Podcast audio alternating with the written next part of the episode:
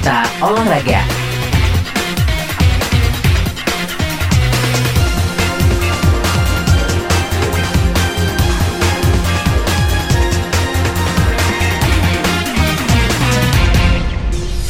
Selamat siang sahabat sonora Sajuni Putra untuk berita olahraga. Back muda Persija Jakarta, Uchida Sudirman meraih prestasi di Pekan Olahraga Nasional PON Papua 2021.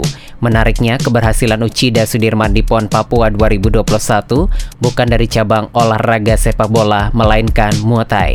Uchida Sudirman meraih medali emas di kelas Waikru Putra setelah mengalahkan wakil Papua Yul Alija yang mendapatkan medali perak. Demikian saja nih Putra untuk berita olahraga. Kembali ke program selanjutnya. Berita olahraga.